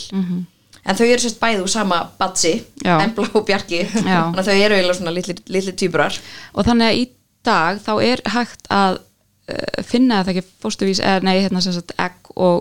er og sæði og setja saman þannig að þau eru ekki nei, já, þau eru bæði heilbrið, hún er Já. ekki arbyrri það var sérst gert þannig að það var bara allir fórstuðisna voru greindir bæði kynngreindir og hvort Mhm. þeir væri sérst með þannig að sjútum eða arbyrrar eða hvað. Spáði í tæk það er bara, Það já, er það, er bara valdir, bara heilbrið veist, ég var fast í með of mikil völd í höndunum þegar ég held á þessu blaði Já. það stóð bara nákvæmlega hvað kína væri og það var mér svona að gera alla svona all, þú veist, skoðaðar allir aðri lýtingar galla líka Já. þannig ég gæti bara algjörlega og ég, ætla að fána mig sjö fána mig tólf, eins og ég væri bara þú veist, McDonalds eða eitthvað en þú veist, þetta er ótrúlega Þetta er ótrúlega magnað sko en það var ótrúlega gaman núna þegar ég var ólíkt að bjarga, þú veist, ég fór bara út bara í þrjá daga í einu uppsetningu og strax ólétt Mhm. já, og ég var eiginlega allir meðgöngur næstu með samvinskupið hvað þetta hefur auðvelt Já. sem er náttúrulega bilað Já. en þú veist, þá var ég bara svona var heila ekki alveg bara einmitt. ok, getur þetta búin að stundum bara svona vera svona ótrúlega einfalt. Já. auðvitað áttu við það alveg skilið. Já, en þú veist, skrítið, maður er að vera Já. svo klikkað. Maður fa- var, mér- ég var minnast, þú veist, fannst því svo að þú veist, það myndi eitthvað koma fyrir að því þetta var búið að vera of einfalt. Já, og nú er maður náttúrulega, er maður náttúrulega meira einhvern veginn stressaður Mhm. og maður fer alveg með þennan kvíða yfir að koma eitthvað fyrir yfir á börni sín. Ég, ég tengi rosalega mikið þetta og segir sko að maður sé hrættur um að, að þú veist, þetta var of auðvelt og nú er ég eitthvað að koma Já, fyrir, algjörlega, sko. nú er ég svona Já, ég, nú er ég bara svona hamingjusum Ég á tvö börn sem eru bæði heilbri og ég er bara svona, ok, hvað er að fara að gera Já, Og ég er alltaf í þessu, ég sko. alveg- ég finn Já. alveg svona innst inn í mér Er ég pínu stressu yfir þessu? Já. Þú veist, það hlýtur eitthvað að fara að Já, koma fyrir þetta er alltaf veginn svona, maður getur ekki einhvern veginn bara verið að njóta þess að sé allt bara í góðu maður er alltaf er eitthvað, sko. Já, Já. þetta er rosalega erfitt Að þú veist, það er kannski, já Eitthvað sem er náttúrulega ekkert eðlilegt. Nei, eðlilegt ekki. fyrir okkur Já, Já. sko, veist, já, við förum bara aðeins út í smá, kannski stutta umræðu um einmitt lífið eftir áfall, þú veist, þá er þetta held ég bara Mjög algengt. Já, mjög algengt og þá, sko, þetta er kannski eðlilegt fyrir fólk sem hefur lent í svona áfalli en er að sjálfsögðu ekki eðlilegt ástand, Ástand, fyrir manneski að vera í Þú sko. gerir þá líka meira úr þessum litlu áföllum Já. eins og ég missi pappa og svo missi ég kötti minn Já, árið eftir á já, og bara svona þryggjara gamlan heilbræðan kött sem fekk allt í nýrnabjörn og og ég alveg já, já, ok, hvað kemur þá Mhm. Já, næst? einmitt. bara, þú veist, fæ ég ekkert breyk Nei. og svo núna í nóvambur veittist hinn kötturinn minn og Já. hann var næst í búin að deyja Já. og ég var bara, einmitt, fannst það bara basic, bara já, hva, hva, hva, já, hvað já, kemur nú, næst? nú gerist þetta. Svona, hvað fæ ég marga mánuði bara í pásu sem að allt er bara frábært en svo bara er lífið ekkert svoleiðis. Það Já, getur hvenær sem er komið Ég býð eftir svona, þú veist, áfallstímbili þar sem maður er bara geðið ónýtur einhvern veginn. Vá, það er ekki búið að vera í smá tíma. Eitthvað svona, bara svona býð En nú hlýtur að Nú, tími. já, nú lítur að koma tíma það. Og það er rosalega vond að vera í þessar stöð Já, maður getur ekki maður langar bara að lifa og Já, njóta og já. vera ekki alltaf að spá í bara hvað hva kemur næst. Já, að lífið er náttúrulega bara þannig það kemur alltaf eitthvað næst. Já, en maður á ekki að vera að lifa ykkur sæðslu Mhm. og eins og svona áhyggjur yfir því að það kom eitthvað fyrir þú veist fjölskyldamælunum eina þú náttúrulega getur ekki verið með og bara hlýðina þér allan Nei, ég- daginn, allan það er dag þetta er eitthvað sem þú verður bara þú mátt ekki hafa Stefnir, ágjör á gætum hlutum sem þú stjórnar ekki. saman kallara og bara haldið öllu dósamatur og Þið fáið ekki að fara út aftur þessum eftir að-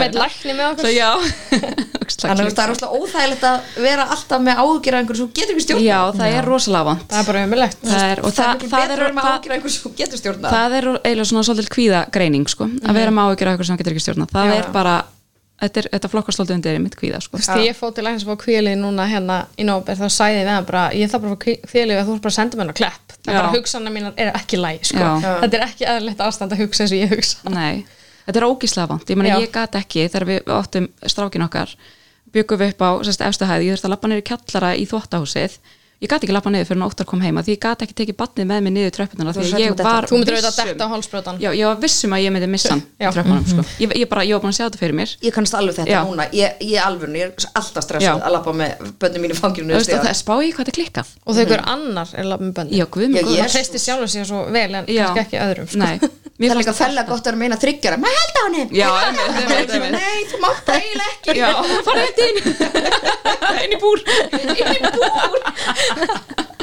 Það sín í búrum grunlega Já, ég gæði með bönnum mín í búr Nei, en þú veist En auðvitað náttúrulega verður maður bara að reyna þú veist, og það er ekkert annað að gera heldur en að bara, þú veist, það er náttúrulega bara úslega, auðvitað að segja þetta, en þú veist, maður reynir Já. náttúrulega bara að taka þetta inn og, Það er bara svo leiðist Það er bara það er. og auðvitað eru alls konar hlutir sem að kannski tryggjara Já, tryggjara svona vanlíðan hjá manni þú veist, eitthvað sem að tengist í eða maður mann eftir eða eitthvað, þú veist, maður fer aftur í eitthvað svona svip, það þarf rosalega svipað. lítið, það Já, er jafnvel þarf bara, ég, ég þarf stundu bara að finna rakspýra líminn sem pappi minn notaði alltaf þá bara já. þarf ég að fara Já, heim og gráta já, í tvo einmitt. í klukktíma brúköpunni á þér hann þá endaði ég grænit á dalskólinu þegar komið einmitt, þá var ég búin sko. Það er svona ímislegt sem getur komið. Já, þannig að þetta er bara að þarf rosalega lítið á til þess að tryggja eitthvað svona stórt En, áfalls. sko ég er engin, engin sérfræðingur. Ég er sjálf að díla en þá við uh, Þín- mína hluti, þína hluti. en mér langar til þess að ráðleggja þeim sem er að hlusta Mhm. og gæti mögulega verið í stöðu bara svona, að ég ætla ekki að fara til læknis eða ég ætla ekki að fara til sálfræðings bara gerðu það, Já, það er bara svo þess virði Fyrsta skrefið að er fá bara hjálpina það er Fyrsta erfiðast skref- skrifið er, Já. að- er að ringja sko Já, það er ekki eitthvað að þér að leita Nei. hjálpar ég tel mér bara fullkomlega heilbriðan einstakling Já. að hafa leita með hjálpar og það er ekkert spurning. að því og ég er bara stolt af mér að Já, maður er bara sterkur Já. að fara Já. að leita sér hjálpar Já, þú kemur bara þetta betur er út. styrkleika merki sko. Já. hvort sem það er þá að fara og, og skoða einhver líf eða þá fara bara í, í viðtalsmeðferð það hjálpaði mér, viðtalsmeðferð. Er kannski heldur ekki sama öllum. Alls þurfa bæði, sumir þurfa bara annað. Já. það bara skiptir ekki bara að þú ferð Nei. og ferði hjálp og finnur út hvað hendar misjöfn, ég menna það er kannski einhver sem að misti pappa sinn á sama aldri og þú og eitthvað svipa gerðist eða eitthvað. Og hann er kannski bara allt öðru einstaklingur þú. Algjörlega. Já. og þarf kannski ekki lifið og þarf kannski ekki og það, og kannski bara nóg fyrir hann að mæti tvo tíma til sálfræðings og búið skilur, Já. þú veist, Já. við erum bara svo ótrúlega misjöfn og við það skiptir bara svo miklu máli að fara til fag aðila og fá bara, herðu, mér líður illa þú veist, geti fengið hjálp fá bara þessi verkfæri til þess að Já. geta unnið þetta svolítið sjálfur Já. líka þú veist, þegar maður finnur maður að fara niður í lag þá er maður með ákveðin verkfæri, verkfæri til þess að geta gripið í og Það skiptir miklu máli. þú ert ekkert er allir að díla við eitthvað já. þó að sé ekki endilega að missa fóröldur þú getur er í bara hvað sem er. Já. þú veist, áfall er aldrei of lítið ef við getum Nei. sinna und gæsalappa Nei, ég menna þú veist það er fyrir suma er bara gigantist áfall til þess að missa vinnuna. Já, já, þú veist, það getur bara verið betur. áfall sem að þú þarfst að leita þér hjálpar með skilur. það skiptir einhver máli hvað það er, bara ef því líður illa með það þá er engin skömm í að hjálpar, aldrei. Ég meina það er til fullt af ótrúlega færu fagfólki þú veist Já. sem að sérhæfis í svona áfalla meðferðum ég fór til dæmis að hitta eina þú veist sem að bara sér að þessi að hjálpa fólki að áföllum já, bara já, algjörlega segja frá. Bara segja frá. Og bara já, prófa bara þú ert búin að opna hugan Já, fyrir þessu og opna og segja þetta upp. Það gerir bara svo Já. mikið að segja þetta upp. fyrir sjálfið líka að það er eitthvað, eitthvað Ekki í alveg í ólægi Já. og þú bara þarft að díla við Já. það ekki bara, ger ekki neitt og bara, þú veist, erum ekki einmitt maður er svo gætnaður sjálfur að vera með fordóma þú veist, ég ætla Já. ekki að fara einhver líf og Já, eitthvað. ég einmitt. var þannig Ég- ég, ég- ég, já, var alveg auðvitaðskapur En þú veist, svo prófaði ég að fara á kvíðalífi smástund og þú Já. veist, ég hef aldrei trúið hvað ein svona pínu lítil tabla á dag bara getur tekur bara kvíðan út um algjörlega. maður Já, Já, það bara, magnað. þér hætti bara að vera, þú veist, þú ert ekki lengur alltaf með hennan kvíðan Já, ég, í meina, þú veist, ég er á kvíðalöfum núna og búin að vera á bara síðan ég átti dóttir mína sem er fimm ára í dag eða bara fimm ára í daginn og hérna þú veist, ég, ég fæ alveg þá kvíða en ég fæ, fæ, fæ raunverulega alltaf. kvíða skilu, ég fæ kvíða Já. yfir hlutin sem actually Eru kvíðavaldandi? Já, eru kvíða Já, já. Ég er ekki bara heima að mér að halda þú veist, að ég sé óvart að fara að hrinda bönnunum niður stiga eða eitthvað svona skilur, ég finn Það er eðli- stigsmunur. Þú mátt Lifið breytir þér ekki, Nei. það bara hækkar þormörkin Já. og tekur kvíðanhutun í, í Því að, þú veist, maður er líka svo ótrúlega þreyttur ef maður er alltaf svona kvíðin og líður alltaf svona illa þú veist. maður sefur illa það er ekki hægt að lifa svona Það er sko. bara er ekki skelvilegt ástand ég var búin að upplýta mjög stuttan tíma því ég fætti læknist og hafði einmitt aldrei upplýðað áður og þetta ástand, mér fannst þetta eiginlega verða heldur að þungliti sko. Já, að þetta vera er svona bara kvíðin ógeðslega það var bara Þetta er rosalega orku suga sko. Já. að vera með svona mikla ágjur á öllu. Þú er bara í kringlunni með kvíðin út í maðunum yfir bara öllu. Og það er og bara mjög sko. Já. mjög öllu og engu, það er bara málið og þetta svona læðist aftan á Þetta er svo lúmst sko. Hörpu bara tól allt í eins og ég bara- aldrei, alltaf bara ekkert að mér. Og ég bjóst aldrei við því. Og svo er ég ekkert svona mikið hörkutól. Þetta getur komið fyrir hvert sem er, það. hvernig sem er. Og maður kannski átt sig ekki að því hvað þetta er að hafa mikil Nei. áhrif á lífi fyrir en maður f- fær að prófa að losna við þetta. Já. þá sér maður hvað þetta er, er að Já. hafa mikil áhrif. Oft er Algjörlega. kannski fólk mjög kvíð og bara sig ekki á því. Ég held að það bara mjög já, algengt. og sér það var eiginlega þannig hjá mér. Ég hef alltaf greinilega verið smá kvíðin og svo kom þess að það sem tryggjara þetta. Ég hef alltaf mála skattan á veggin en ég hef aldrei einhvern veginn pælt í því. Nei, líka þú veist, samfélag okkar í dag er ógislega hratt og það er ætlast til ógislega mikils af hverjum og einum, þú veist, við eigum að vera velmentið og við eigum að vera í góðri vinnu og við eigum að vera börn og við eigum að bla bla bla bla bla. Bara sigra heiminn. Já, við eigum bara segra heiminn, það er allir að segra heiminn og finna sitt, sinn tilgang í lífinu og allt þetta. Og það er stundu bara nóg til þess að valda einstaklingum kvíða já, algjörlega og svo kemur eitthvað áfall ofan á og þá bara, þú veist kannski má, maður kannski hefur ekki alveg plássið sér mikið meira heldur Nei, einmitt. daglegt líf oft Já. það er oft bara nóg að gera með börn og fjölskyldu og í vinnunni og maður reyna að standa sér vel. Já. þar og standa sér vel heima og Já. standa sér vel sem eiginkona Já, þetta er rosa mikið sko standa sér vel sem dóttir og, Já, og samt sína andlir í hliðinni sinni líka, þú veist. Og ræktin, ekki Já, gleyma ekki ræktinni. gleyma ræktinni, Alltaf ræktin, alltaf í ræktinni. Ég er bara aldrei í ræktinni. Nei, ég veist að ég á ekki getur. ræktakort í fyrst skipti í mörg ár sko. ég bara, ég er Ég alltaf er að búin að vera stoltur, sko. ég er búin að vera stoltur styrstaraðali samt að örgli í tíu ár sko.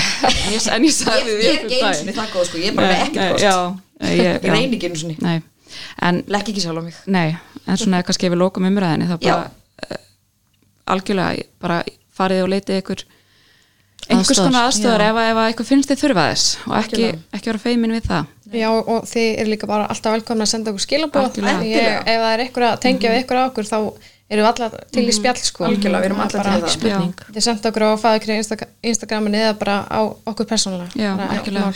Mhm. og bara ef ykkur langar að við tölum um eitthvað þá erum við Já. alltaf til Já, til í Við erum alveg með einhverjar hugmyndir en það væri flott líka að heyra frá einhver Við erum ekki alveg búin að Við erum nóinni sko. En já, það er svona eitthvað sérstatt sem að við myndum vilja að við tækjum fyrir. Endilega. Ná bara takk fyrir að hlusta já, og takk fyrir, takk fyrir dag, dag. Sjáumst næst. Sjáumst næst.